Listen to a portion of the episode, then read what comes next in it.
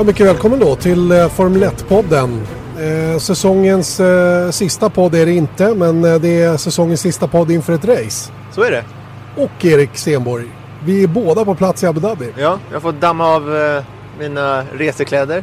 Och skönt att sitta här med någon slags generator i bakgrunden. Ja, ja, men de måste tanka på de här eh, tryckluftstankarna de har till sina luftpistoler.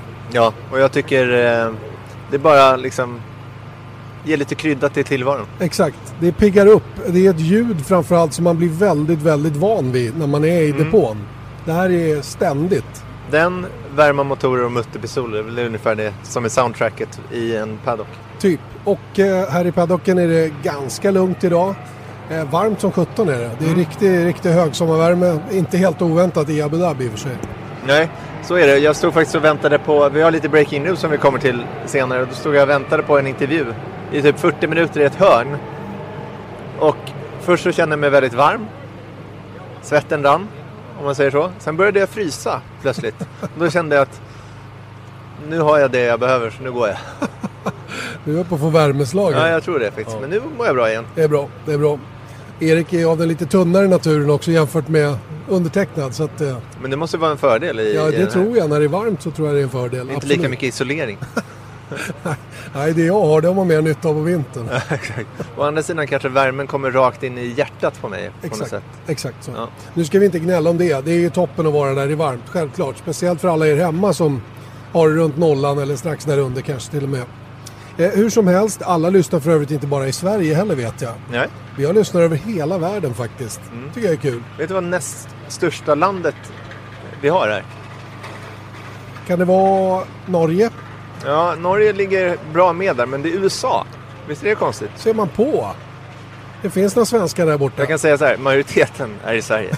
men, men det finns några eh, svenskar i USA. Jag förutsätter att de är svenskar. Och sen så är det, beroende på vilka må- det är ganska kul för jag spenderade lite tid med våra så här stats. Det här är helt ointressant kanske. Men Nej, vissa månader så är Thailand väldigt högt upp också. Konstigt. det är ganska kul också. januari, februari. Så. Ja, men någonting sånt. Ja. Nåväl, du, du var inne på det. Eh, lite breaking news. Ja, det är nämligen så att eh, efter mycket om och men, inte så speciellt för, förvånande, så presenterade Williams idag sin andra förare bredvid George Russell och det är eh, Robert Kubica. Och eh, ja, det var ju, ryktena har gått varma ganska länge men jag är ganska glad över att du spelade in den här på en torsdag istället för en tisdag för annars hade vi missat det igen. Så att eh, det känns väl bra. Ja.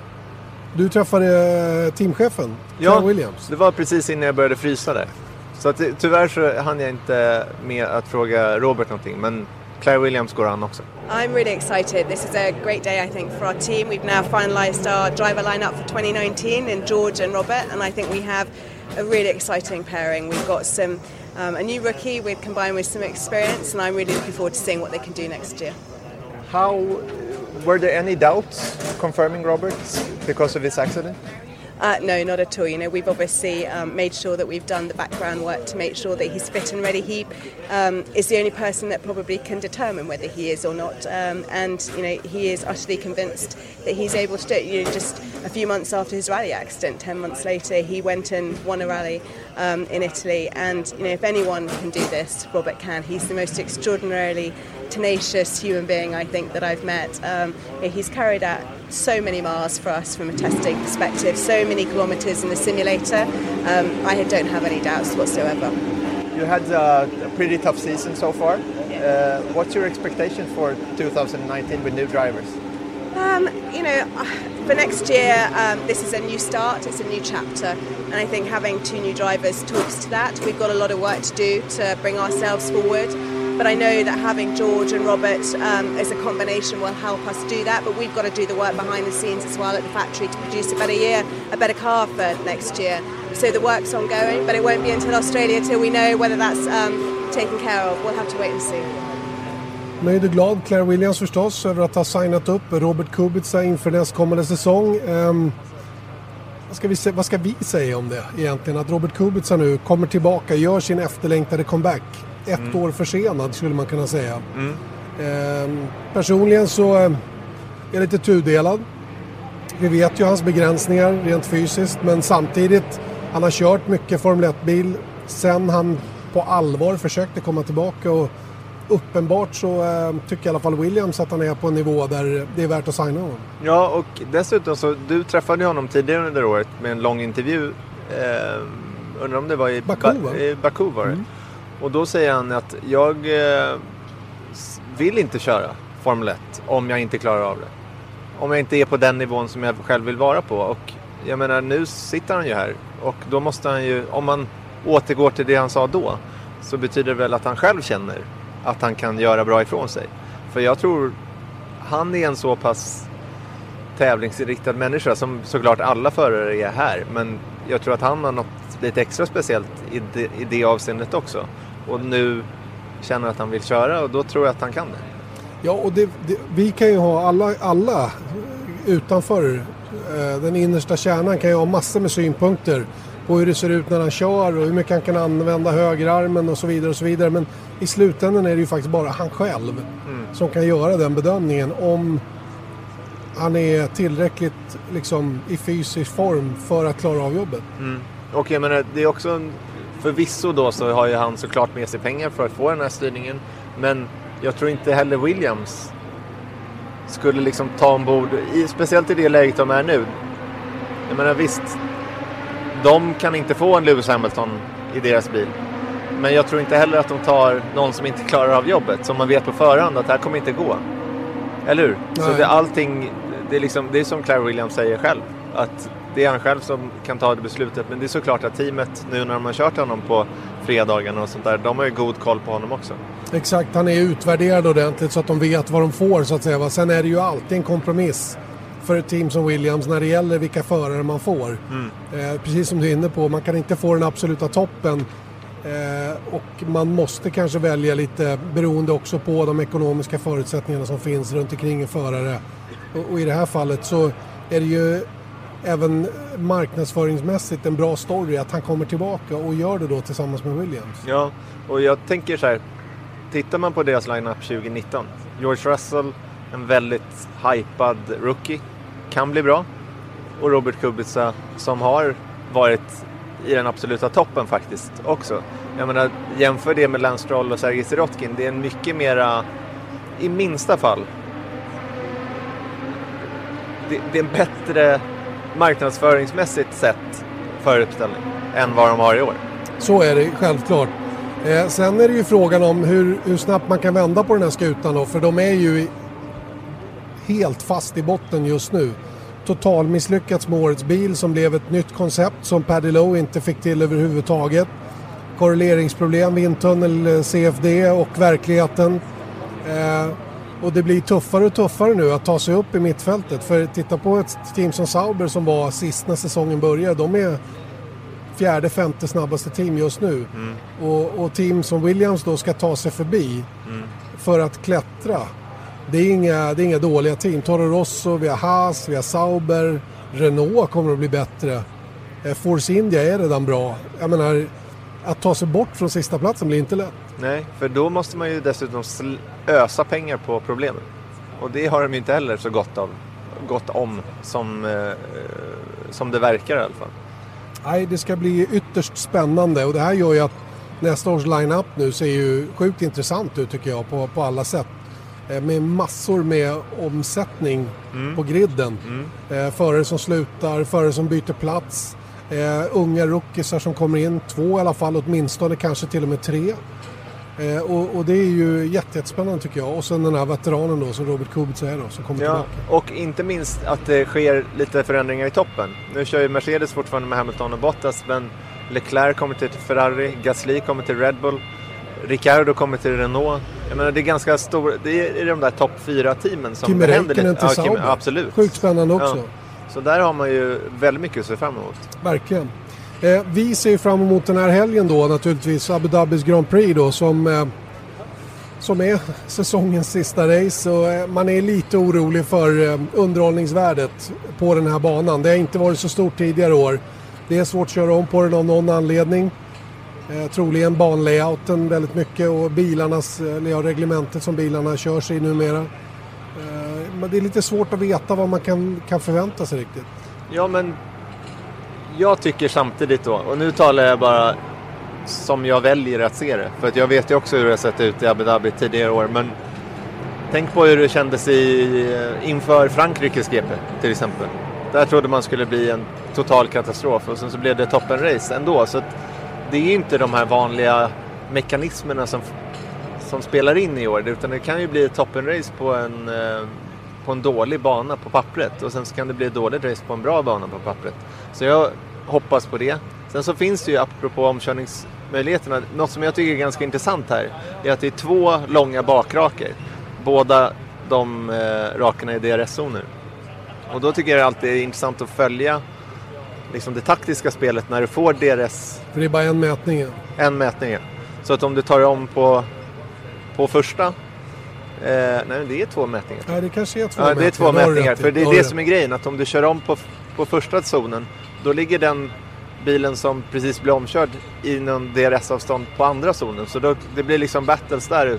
Så det är ofta som man ser då att folk kanske är på väg om på första rakan men de väntar till andra. Så det finns lite sådana där grejer och de som är heta på gröten kanske sjabblar bort det på grund av det. Det som är gjort i år är att man har förlängt den första.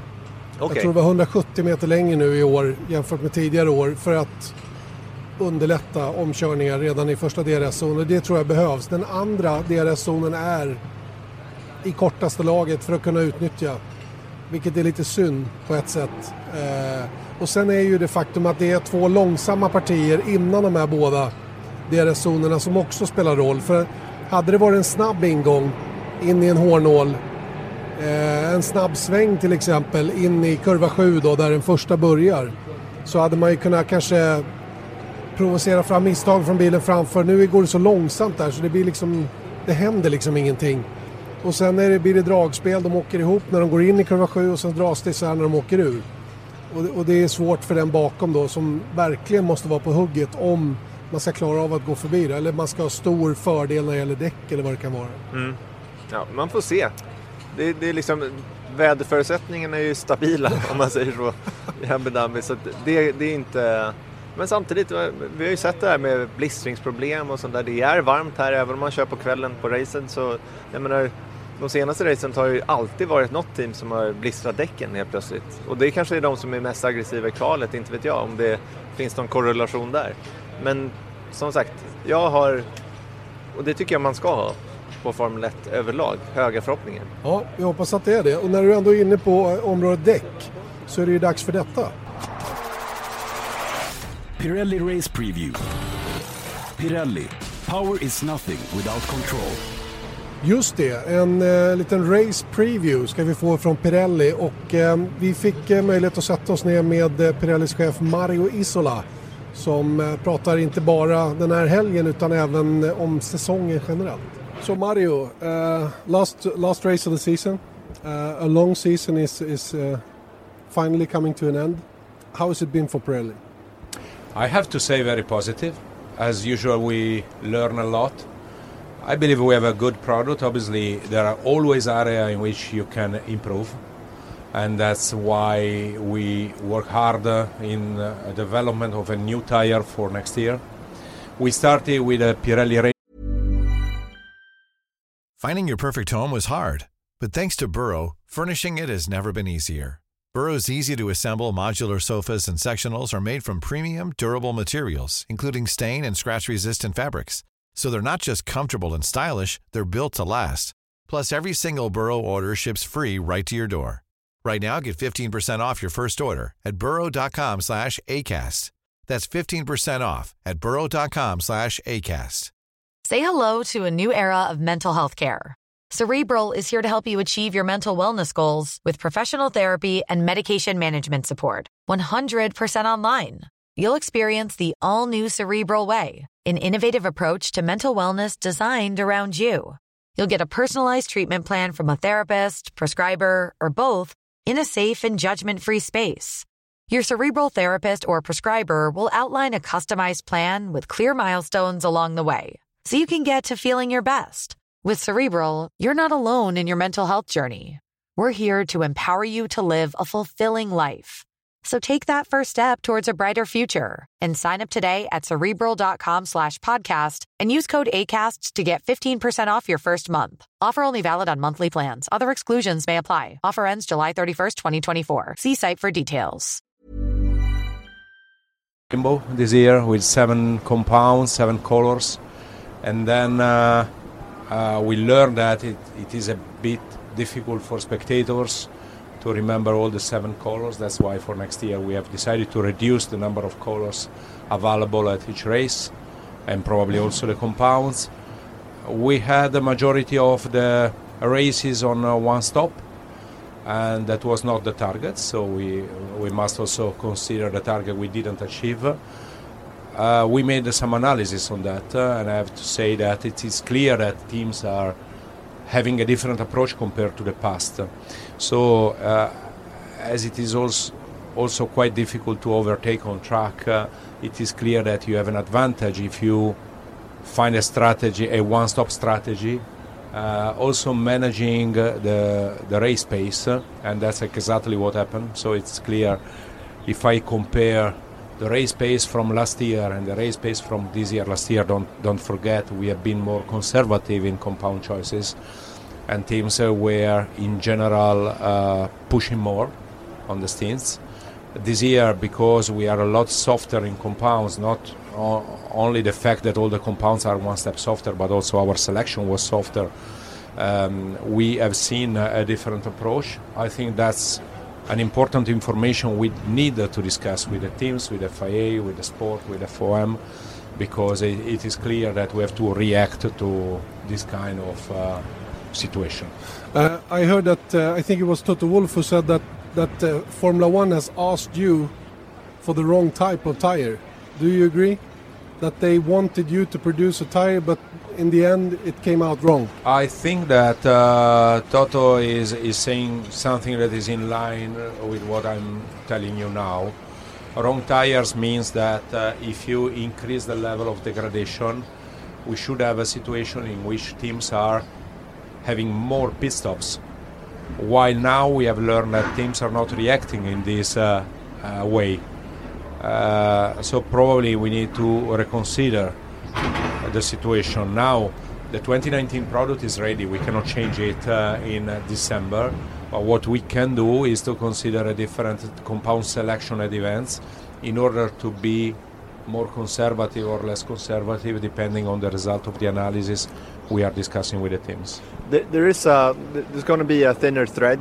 The thinner thread uh, tire will be for the whole of next season, right? It is a, a package, not just that. Uh, The thickness of the thread is in line with is in family with a thinner thread we uh, uh, tested this year and we use this year in uh, three races. But in general, the target is to reduce overheating. Um, we have a new construction. We have uh, we are using new materials in the construction in order to manage the heat uh, because the performance of the car is uh, increasing year by year. We have cars that are faster, and that means that you put a lot more energy on the tires, and energy means heat. That's why we uh, we hear this talking about overheating because obviously it's all about the level of energy that you put on the tires. So we have new materials able to manage the heat in a different way. We have new compounds with a slightly higher working range in order to reduce the overheating effect. We don't have any issue with warm up in general, so we can uh, we have a, a small room uh, to work in uh, in this area, and the thinner thread is also helping in this uh, mm, in this respect. So target is to reduce blistering, to reduce overheating, and uh, to have a tire where drivers can push more next year. Right. But is is the target still two pit stops for next year? Uh, it is the target for me is not the number of pit stops; is to have different strategies and to have good racing. Good racing means overtaking on track, not overtaking when the other car is in the garage. So we need to, and I need to talk to uh, to, to the different actors in in this uh, sport to understand which is uh, the right direction. If uh, two stops is uh, the right direction, we have also different systems. We, we can impose the two stop by regulation, or we can find any other uh, way to have it, provided that the two stops are the real solution to to have better racing.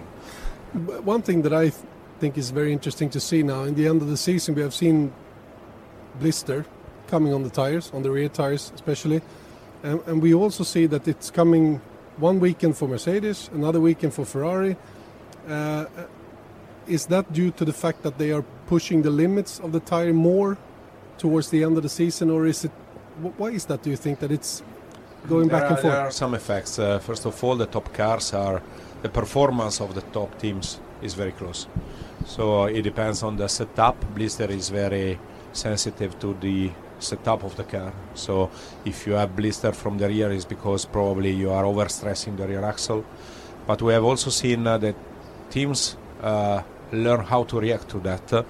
Uh, Sometimes uh, they have blister on Friday because they push at the limit on Friday, and then they understand which is the limitation. They change the setup of the car, they react to that, and and Sunday is much better. Uh, in the last few races, we had uh, some situation in which Friday was a lot colder than Sunday, and obviously this is not helping the situation, even if the test on Friday was with this uh, target. But then uh, the weather conditions are affecting the blister a lot, uh, as well as uh, graining. Because if you have a very hot uh, Friday and then you have a very cold Sunday, uh, you can generate graining. That is another effect. But now the teams know how to do that, and the fact that you have blistering one weekend on Mercedes, one weekend on Ferrari, and one weekend on other teams is uh, because of that. Um, another factor which is very important is that the cars generate a lot of downforce at the moment. As you said, they, they're putting a lot of stress in, a lot of energy in the tires, and they are really heavy as well. Uh, many many people talking about how it was back in the days, let's say 10 years ago, 15 years ago, but the cars were much lighter then. Is it tougher for you to, to, to build a tire which copes with these uh, The these uh, the, the situation? the weight is, is really important. As you said, we have now cars that are probably 130 kilos uh, heavier than uh, in 2004 when uh, a lot of uh, records have been set. Uh, now, if you consider what they call the weight effect, uh, on a Formula One car, 130 kilos is roughly 4 seconds per lap. If you add 4 seconds per lap to the lap times set in 2004, you can easily understand that the current cars are really fast because they are not far or in most of the races we we had uh, new track records with a car that uh, on the paper should run 4 seconds per lap slower than uh, all the cars. So that, that that gives you an idea of the rate of development of the new cars. They are really fast. Talking about next year, you mentioned the, the only three colors of the tires, but will the compounds, will, will there only be three compounds? No, we are planning to homologate uh, five compounds. You know that the deadline for uh, the compounds homologation is the 1st of December, so it will be very useful. Uh, the Abu Dhabi post uh, race test because we get uh, a lot of information. Teams have the opportunity to test all the 2019 uh, range of compounds and also to compare with the 2018 tires. Once we have the information, I think that 90% we are going to homologate five compounds, and uh, uh, depending on each race, we select three of these uh, inside these five compounds. But the colors will be white for the hardest of the three, yellow for the one in the middle, and red for the softest. So it will be very easy for spectators to understand uh, uh, at each race uh, which type of tire is fitting each car. And then for spectators that are more interested in technical details, we will provide information. We are going to call the compounds uh, uh, with numbers, one to five. So one is the hardest, five is, is uh, the softest. And before each race, we will uh, select the three compounds. We will give you the information that for Abu Dhabi we are racing with compound 345. and there will be white, yellows, and uh, red. But uh, you can make comparison, you can make analysis, you can make anything you want as it is today, because you will have all the information. That's good. That's really good. Um, talking about the future then, 19 is the last year of the contract for Pirelli. Uh, so, how do you see the future? Are you going to continue, or uh, how, how, do you see it? We Well, know that uh, Hancock is is uh, trying to to get the contract as well. Yeah, it's uh, there is a, a tender ongoing. There, there is a competitor, so we uh, we are discussing uh, the commercial uh, terms of the contract. uh, so hopefully we will have a decision soon. Uh, we are close to the end of the season, so I think uh, we don't have to wait a lot of time for for a decision on that. and hopefully we will continue. But as I said, we can confirm or not when we have a contract in place. At the moment, the process is ongoing. But you want to continue. Yeah, that's why we presented an offer to the tender. Yeah, but I mean, it depends on, on how hard the competition is. But you, Pirelli, wants to be in Formula One still. I think that uh, our our CEO described the, the situation in, in the best way. So we want to stay in Formula One. Formula One is important for the company. It's a good uh, technical laboratory. We can test a lot of uh, um, solution, um, technical solutions here. But we are not available to stay in Formula One at any condition. So uh, that's why we have this uh, mm, uh, the current discussion uh, on the commercial side, um, and that's perfect explanation made by our CEO. So, uh, being in Formula One, you get scrutinized, of course. Everyone is looking at what the tires are doing on track, and you hear the teams complain sometimes, and it's good sometimes. Uh, how much? How much does that affect you, marketing-wise, when you, for instance, have problems a few weekends or whatever happens? Uh, you know, this is a normal situation for a sole supplier. It's, it's very difficult to make everybody happy. And uh, what we want to do is uh, to provide the best product to Formula One according to the request we have from Formula One. The real problem is uh, to have uh, is that we have uh, different requests from different stakeholders. So we have uh, to make uh, FOM happy, FIA happy, teams happy, drivers happy. Good luck with that. yeah. and uh, I believe that uh, we found a good solution in uh, 2015, 2016, when we said, okay, uh, sit down around the table with all these people and uh, we define what we call a target letter. A target letter is a te- technical document that is summarizing the targets we have to achieve. And once the targets uh, are agreed, uh, we work in that direction. I don't know if everybody's happy, but uh, at least we have an agreement on the targets that are in the document. That, that's a system that is working well. Let's uh, talk about the tire selection for Abu Dhabi. This is a tire preview, after all. Yeah, it Yeah, is. yeah. It is. So, which tires uh, are selected and why? We have uh, the softest in the range, so we are going to race with the super soft, ultra soft, and hyper soft. Uh, Abu Dhabi is, uh, in terms of severity, I would say average. The key of this track is uh, traction, especially in sector 3. Uh, the race is a night race with a temperature evolution that is different compared to a normal race. Usually, uh, going into the dark, you have a track temperature that is going down. This is obviously helping the hypersoft uh, that is more sensitive to temperature. The tarmac is not very aggressive. You don't have uh, very high speed corners. You have two long straights, um, and the rest of the corners are Finding your perfect home was hard, but thanks to Burrow, furnishing it has never been easier. Burrow's easy to assemble modular sofas and sectionals are made from premium, durable materials, including stain and scratch resistant fabrics. So they're not just comfortable and stylish, they're built to last. Plus, every single Burrow order ships free right to your door. Right now, get 15% off your first order at burrow.com slash ACAST. That's 15% off at burrow.com slash ACAST. Are most of them 90 degrees, so that's why it's important to have uh, um, a, tra- a good attraction.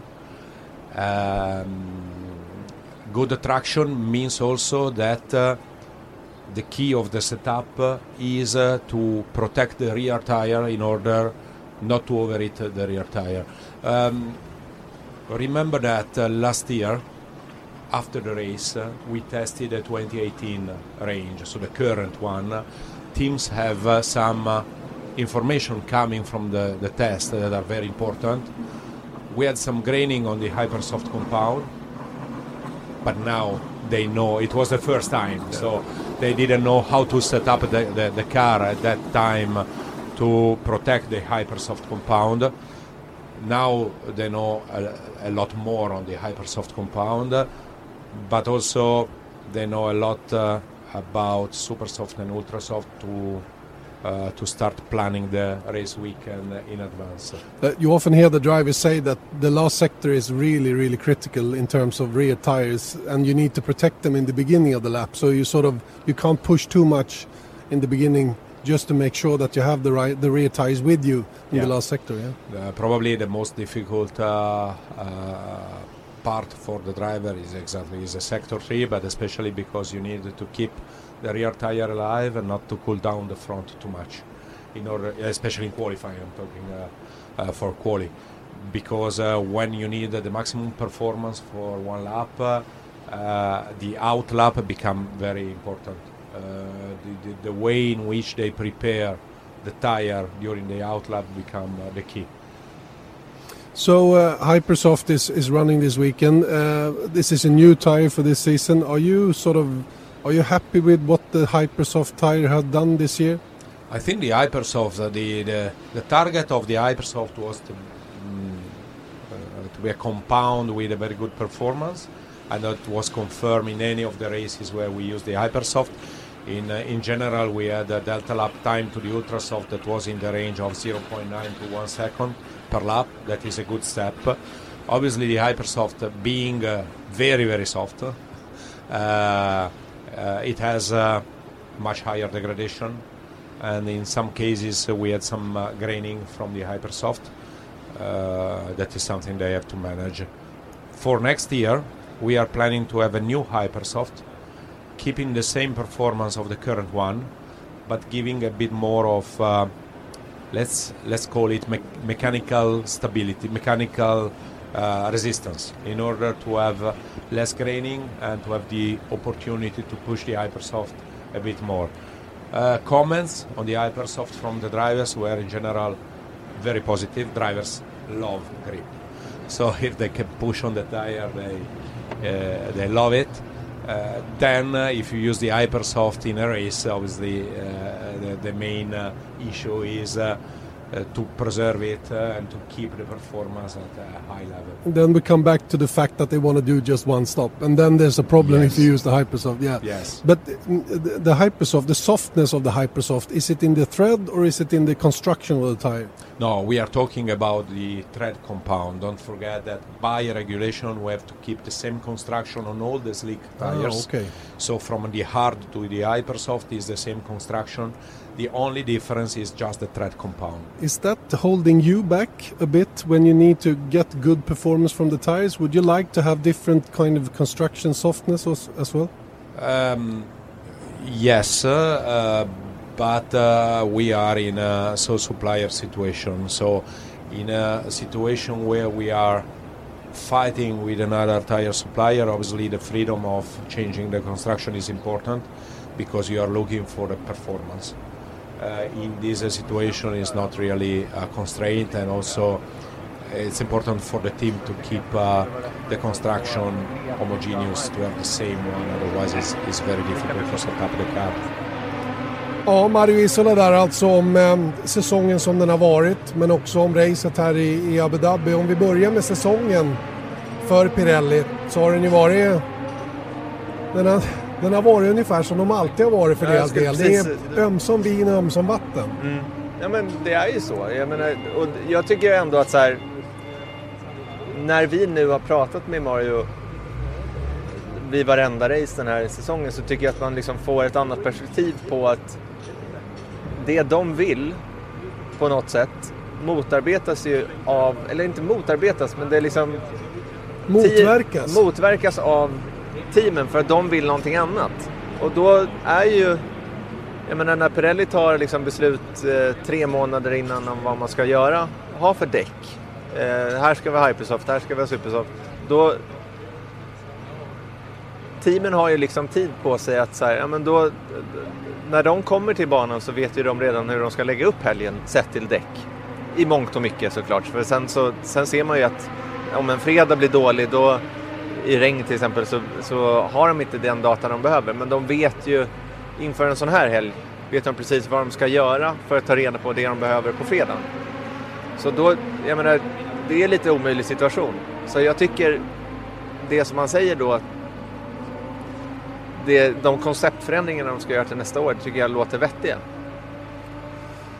De har ju en svår situation att, att vara alla till lag, så det är han också inne på. Det är, det är FIA, det är FOM, det är publiken, det är förarna, det är teamcheferna. Det är att, att få ihop det här till en och samma.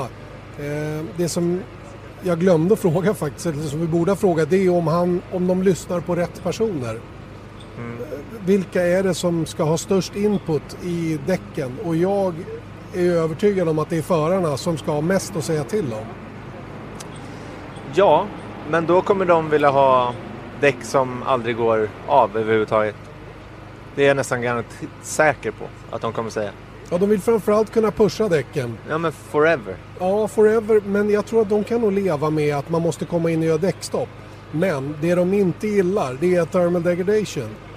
Och den här, det här att eh, om du ligger på de här däcken två, tre varv så, så överhettar hela däcket och eh, det tappar oerhört mycket prestanda och det har väldigt svårt att komma tillbaka. Och det är ju någonting Ja. som Pirelli-däcken har hållit på med egentligen hela tiden.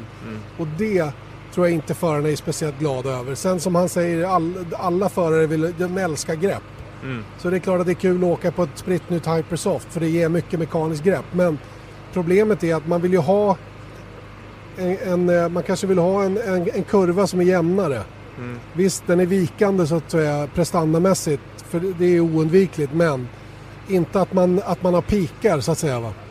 Och, och det, är ju, eh, det, det tror jag är knepigt och, och där är någonting, det är någonting som Pirelli behöver titta på tycker jag framöver. Mm. Det, alltså, argumenten för dem finns ju där. Det är, väl, det, det är ju beställningen som är gjord så som jag förstår det.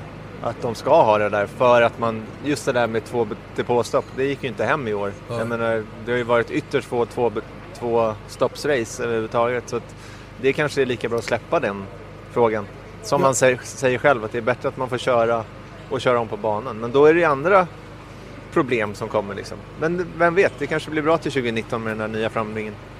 Man hoppas alltid Mm. att det ska bli bättre. Det jag tyckte var intressant en sak också som inte jag visste faktiskt, det var ju det här med däckkonstruktionen. Jag trodde den diffade mellan gummiblandningarna. Men, men gummiblandningen skiljer sig bara i slitbanan. Mm. Och det tyckte jag var lite spännande för det, det betyder ju att det är samma däck men det är olika grepp från gummibanan. Eller från slitbanan. Gummibanan. Gummibanan. Eh, slitbanan. Och det, jag trodde faktiskt att man, när man gjorde olika, olika mjukhet i däcken så hade man också olika konstruktioner. Men så är det uppenbarligen inte. Nej. Men du, nu sitter vi här i Abu Dhabi, sista racet för säsongen. Återigen. Vi har, jag tror jag, sex förare som ser ut att lämna Formel 1. Vi har Fernando Alonso. Vi har Stoffel van Dorner. Vi har... Shit, sex stycken. Jag kommer bara ihåg två. Marcus Men Eriksson, Marcus 3, Brendan Hartley, mycket sannolikt 4, Sergej Sirotkin Sergej Sirotkin 5. och sen så ser vi tomma ut i blicken. Exakt, Vi... sen var det, vem var det den sjätte nu då? En 5 i alla fall. Då. Ja. En av dem är ju Marcus Eriksson och vi eh, tog ett snack med honom helt enkelt. Marcus Eriksson, sista racet för säsongen. Sista racen i din nuvarande F1-karriär i alla fall. Hur känns det? Eh, jag har fått den frågan rätt mycket jag idag. Jag har inte riktigt liksom hunnit reflektera så mycket på det. Eh, jag går in i helgen som en vanlig helg med förberedelser och allt vad det är och liksom gör allt som jag brukar göra. Eh, så jag tror som sagt, jag, jag har inte hunnit tänka så mycket på det, men jag är säker på att när det blir söndag, racedag, man kommer ut på griden, då kommer det nog kännas lite speciellt. Men, men än så länge som sagt så känns det rätt så, rätt så normalt. Inget sentimentalt överhuvudtaget? Nej, men som sagt än så länge har jag inte riktigt känt det. Eh, men det kanske blir lite grann på söndag då. Vad tror du att det kommer bli då? Vemod? Glädje? Lättnad? Ledsamhet? Nej, men för, för, eller förhoppningen är att det ska bli glädje efter en, en grym helg och ett bra resultat på söndag. Eh, vi har alla möjligheter där med, med den bilen vi har just nu och den formen vi har just nu. Så, så det är väl målet. Eh, sen kommer det säkert vara en speciell känsla efter racet att liksom, ja, nu är det här kapitlet över för den här gången och, och någonting nytt börjar. Så det kommer säkert vara en liten sån tomhetskänsla efteråt. Eh, om vi ser till just den här helgen då, eh, här i Abu Dhabi, det är final, det är, det är, må, det är några stycken som slutar, du är en utav dem. Eh, hur, hur, är det att komma till en finalhelg så här, rent generellt? Ja, men som sagt, jag, jag tycker inte det är så jättestor skillnad utan jag försöker göra det som, som vilken helg som helst och förbereda på det här sättet. Eh, sen är det väl alltid, det blir lite speciellt när det är mästerskapet avgjort. Det, är liksom, det blir en lite mer, jag vet inte, avslagen är fel ord, men liksom lite mer avslappnad stämning skulle jag säga i, i depån. Och som du säger, det är en del som ska sluta, Alonso har sitt avslutningsrace, det är lite ceremonier runt det. Alltså det på något sätt en lite mer eh, relaxad eh, känsla här i depån. Kan det till och med bli svårt då, liksom, nu har vi inte börjat köra än, men liksom, svårt att tagga till nästan, eller? Jag tror inte det finns, ja, det kanske är några som kan, kan tycka det, men för mig så, jag har liksom allt och, allt att visa, jag vill bevisa vad jag kan och som sagt, eh, jag stänger inte dörren för F1 för evigt om man säger så och då ser jag att varje chans jag har så måste jag visa vad jag kan och vad jag går för. Så jag har tillräckligt med motivation för att slå på fullt ös liksom och, och visa vad jag kan den här helgen också. Det som är lite kul också inför den här helgen det är att ni faktiskt har hängt på sjunde platsen i konstruktörs-VM och det är ju superviktigt för Sauber om inte annat. Och ja. där är du högst bidragande. Verkligen, verkligen. Så nej, det är en viktig helg för oss som team och som sagt vi har, vi har en bra morot där att jaga på så vi kommer gå all in för att, för att göra en riktigt, riktigt bra avslutning. Och då har ni naturligtvis snackat lite grann på förhand om vilka chanserna, hur stora chanserna är. Ni vet ungefär hur de andra teamen ser ut rent formmässigt också. Är ni lika bra som i Brasilien här i Abu Dhabi också? Men vi tror vi kan vara på en liknande nivå. Eh, sen, det vet vi i Brasilien också, det var väldigt små marginaler och eh, vi hade lite marginaler på vår sida, men det tar inte ifrån det faktum att vi var starkast av best of the rest eh, där nere. Eh, så målet är att fortsätta med, med den formen och Force India hade inte sin bästa helg i Brasilien. Eh, där är vi lite mer osäkra dock på ifall den här banan kanske kan passa dem lite bättre så att de kan liksom studsa tillbaka då. Men vi måste fokusera på, på vårat och vårat mål igen då är att försöka vara där i toppen av, av mittfältskampen.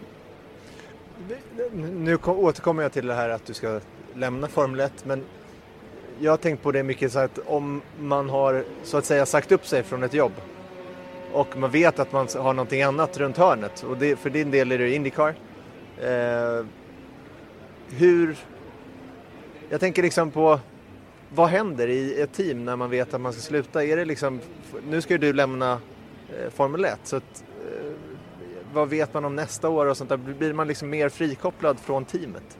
Ja, men det är klart att jag är ju inte alls involverad i någonting inför nästa år. Eh, just nu i alla fall. Eh, så det är en annan sak eh, mot tidigare år som man mer varit, varit med på fabriken under, under hösten liksom och varit med och ja, hjälpt till med ja, utveckling av nästa års bil och så vidare. Nu är man ju rätt så avstyrd från det. Även om jag kommer att ha kvar min koppling med teamet så har jag inte liksom varit så involverade där inför nästa år. Då. Så det är klart att det är lite saker så som är, som är annorlunda. Och sen då Indycar, jag måste gå in på den. När kommer du köra bilen för första gången? Eh, tanken är i början på december att jag ska över och köra ett test eh, nere i Florida. Eh, Sebring eh, är banan. Eh, det är inte helt hundra spikat än, men, men det är tanken att vi ska testa då, då i, i början på december. Så det blir rätt så snabba puckar efter Abu Dhabi då, och det tror jag är perfekt att få en första liksom, känsla. För det är också min, min, min grej att efter söndag då kommer mitt fokus switcha helt liksom, och då är det full fokus på Indycar nästa år. Och, eh, och det vill jag gärna hoppa på så tidigt som möjligt för att få en första uppfattning om det och liksom komma in i den svängen så snabbt jag bara kan. Du har fått lite, lite insider-tips från andra förare som har testat Indycar-bilen om hur det är att köra. Vad, vad, vad har de sagt till dig? Ja, men jag snackade lite med Fernando Alonso på förarparaden i, i Brasilien och han sa det, han var väldigt exalterad och sa att det är skitcoola bilar, skitcool serie och liksom du kommer älska det. Det är riktigt eh, roligt. Men han sa också att men var, var med på att bilarna, de är hundra gånger tuffare att köra än en Formel 1-bil med ingen powersteering, det är hoppigt, det är ojämnt, det är allmänt tungt liksom att köra. Bilarna är dåligt balanserade så det gäller liksom att, att fightas med bilen ständigt. Så det är en väldigt, väldigt omställning mot hur det är att köra en Formel 1-bil. Så han sa liksom, var med på att efter första runnen så kommer du komma in och tänka att det är någonting som är fel på banan eller på bilen eller på allting för att det är en ja. sån stor skillnad. Då. Så, eh, jag tror att det gäller att ha ett öppet, öppet sinne när man kommer dit och kör första gången framför allt. Eh, och Sebring som, som bana då, den har du ju aldrig kört på då. Eh, och jag antar att det inte finns några möjligheter att simulera den heller utan det är ju bara ut och liksom börja från början på något sätt. Ja men exakt. Eh, det är det som är grejen nästa år för mig att varje bana kommer vara ny för mig och eh, det är bara att ja, göra gör det bästa av det. Men, men eh, ja, överlag känns det bara kul att komma över dit och försöka få, få en första feeling för både med teamet också då, med, med, med bilen, men börja jobba med teamet framför allt och liksom bygga upp den relationen är ju viktigt att göra så, så snabbt det bara går.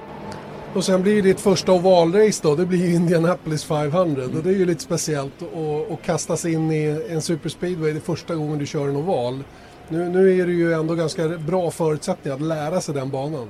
Ja men exakt, jag, jag funderade lite på det också när jag såg kalendern att shit, det är första racet Indy 500. Det är ju liksom en jäkla utmaning men Sen när jag snackar lite med, både med teamet och liksom analyserar lite själv så har man också insett att det kanske är rent av bra att det är Indy 500 som är det första för att det som leder upp inför Indy 500 det är ju nästan två veckor av tester, tester, tester och träningar och kval och det är liksom, du kör otroligt mycket på ovalbanan under två veckors tid egentligen innan själva racet. Så jag tror att hade det varit ett valrace innan så hade det typ varit ja, du får en testa och sen är det race ungefär. Nu får man nästan jättemycket förberedelser inför det där första racet då. Så jag tror att det kan, det kan nog bli rätt så bra i alla fall.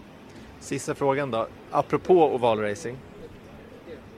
Schmidt eh, Peterson Motorsports var eh, teamet som Robert Wickens körde för när han kraschade för i, i Pocono förra säsongen. Eh, väldigt skadad. Din teamchef Ehm, Sam Schmidt är förlamad av en krasch på en oval. Hur känner du för hela den liksom, osäkerheten? Ja, alltså det är klart att det är lite, lite större risker i Indycar om man jämför med, med Formel 1. Eh, men samtidigt så är ja, det är någonting man har med liksom, i beräkningen. Det är en risk som jag är beredd att ta. Eh, ja, det, det, är en del av spelets regler om man säger så. Så det är väl egentligen det liksom man, man, kan säga om det. Eh, sen kan man liksom inte gå och tänka för mycket på det utan det, det är så det funkar. Men även i Formel 1 om du, om du vill se illa kan du göra illa och i alla typer av motorsport, det vet man från början liksom, när man börjar med den här sporten att det är, du kan göra det illa och slå det väldigt illa. Eh, men det är någonting man har med i beräkningarna så det, ja, det är inte så mycket mer än det. Du, en sak som också är väldigt intressant med Indycar-säsongen 2019 är att du för första gången ska racea mot en svensk på en väldigt, väldigt hög nivå. Det har ju inte hänt sedan 1977 tror jag med Gunnar Nilsson och Ronnie Pettersson på den typen av nivå. Hur, hur, ser du på det? Felix Rosenqvist och du ska ju faktiskt racea mot varandra nu, vilket ni inte har gjort sedan ni körde gokart. Nej men exakt. Nej, men, eh, den stora grejen med det tycker jag är att det är jäkligt kul. Eh, för jag tycker att det, det är kul dels att, att köra med och mot Felix, det ska bli skitkul. Eh, och även att vi båda två kommer liksom bo i Indianapolis, till och med i samma lägenhetshus. Eh, kunna hänga rätt så mycket utanför banan. Eh, så det ska bli skitkul. Eh, sen är det också, tror jag, för intresset jäkligt bra att både jag och Felix är där. Eh, det kommer säkert bli mycket fokus från Sverige på grund av detta. Eh, så jag ser det egentligen bara som, som positiva grejer.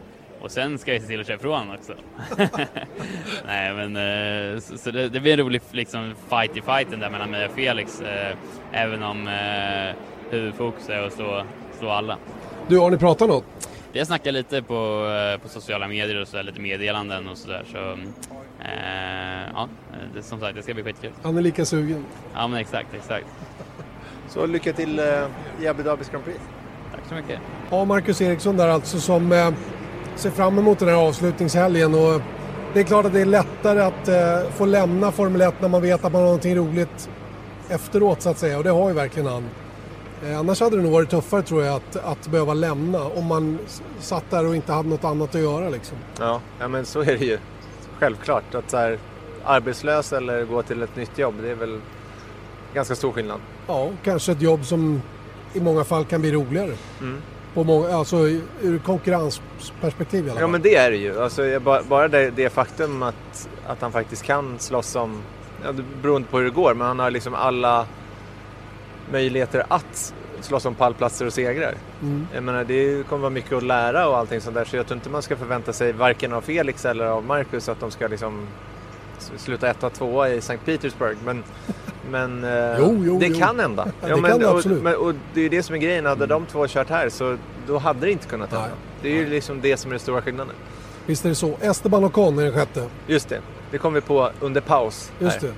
Man måste tänka lite också. Mm. Det var jag Det som kom på det. Ta inte, åt, ta inte åt det Ja, här. det, det var du som kom på det. Ja. Jag vet. Men det är helt otroligt. När hände det senast? Att sex förare lämnar efter, att, efter en säsong? Ja, alltså det, det måste vara... Eller efter en säsong. Ja, det, det, det måste vara Rekord, ja, nå, någon form av... Ja, I modern tid i alla fall.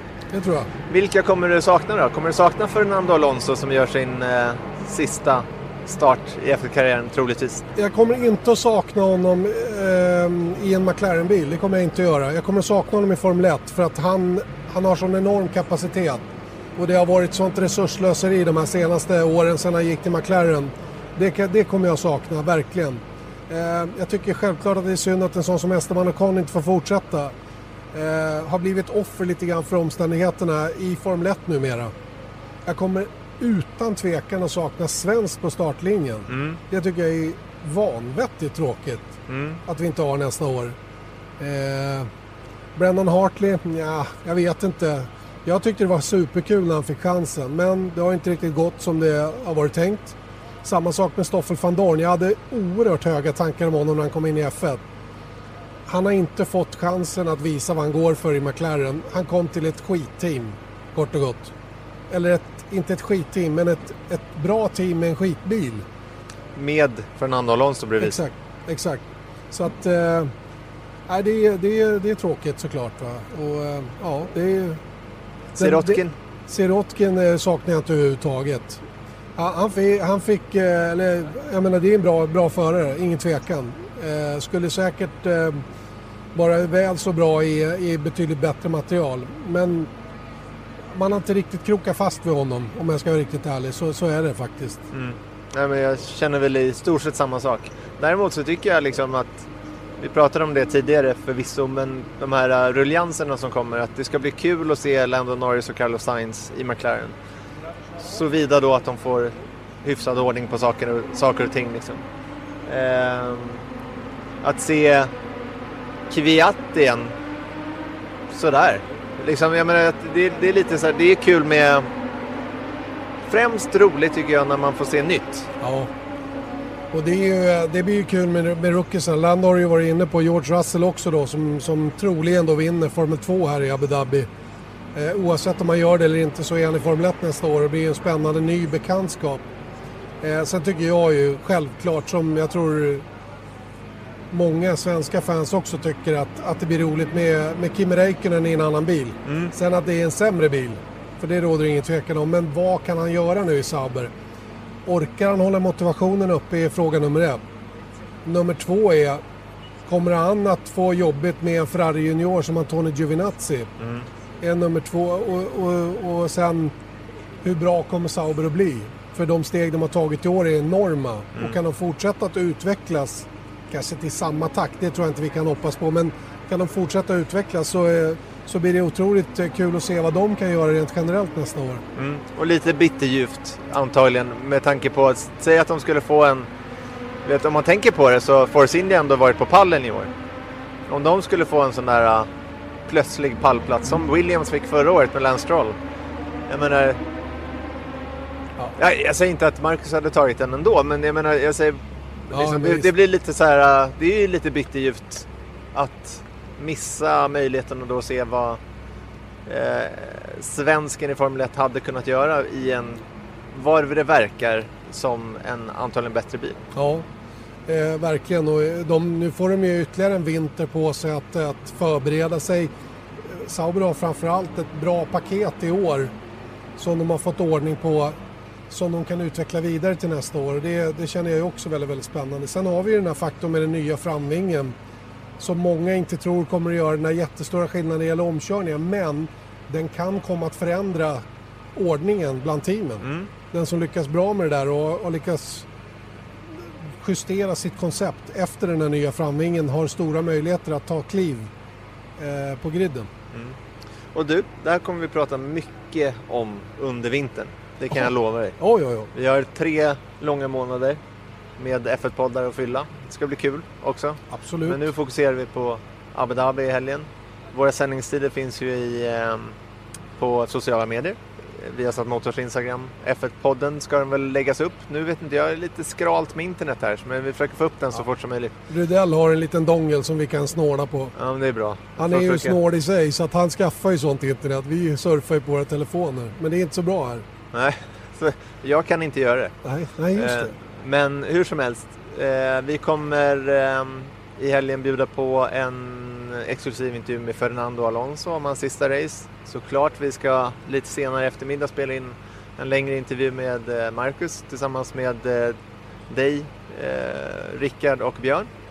Ska Lite prata igen. sammanfattning av karriären här. Precis, den kommer på söndag. Och sen så har vi eh, en lite specialare på Renault som ser ut att, av allt att döma kommer de bli fjärde bästa team. Men man borde ju förvänta sig mer av ett fabriksteam.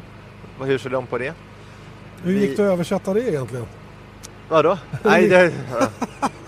Det, är lite, det är lite kämpigt. Cyril Abiteboul, deras teamchef, eh, som fransman som pratar engelska.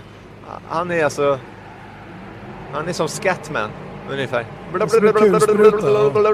Så, Och svaren är fyra minuter långa. ja. Bara fortsätt. Men det är lätt, det är bara att klippa bort. Ta bort lite i början, ta bort lite i mitten så blir det någonting. Ja, men lite annat bloopers kommer ju också. Ja, har vi inte lite listor och grejer också? Jo, vi har satt Motor Awards. Men du, vi har ju... bloopers, det kan inte bli många. Jo då, många. Det, det är inte svårt. Jag har inte gjort bort mig en enda gång i år. Det roliga är att det brukar ju bli så att när Eje Älg är med mycket så brukar liksom bulken av bloopersarna ligga på Eje. Men i år har ju som bekant inte Eje varit med lika mycket så vips så är det någon annan som träder fram i rampljuset och det är Janne Blomqvist. Nej, på riktigt? Ja visst. Du kan få se här. Ja, det ska jag kolla på i förväg och godkänna innan vi släpper ut någonting. Nej, Den är redan, den är redan exporterad och klar så det, det finns ingenting att göra. Ja, spännande. Ja, det ska bli kul. Finalhelg hörni. Njut av den här podden så länge så är vi tillbaka nästa vecka igen med massa nytt godis. Eh, och Snacka kanske ner det här sista racet och lite annat lyssnarfråga och allt vad det kommer. Så att eh, vi eh, säger tack och på återhörande. Det gör vi.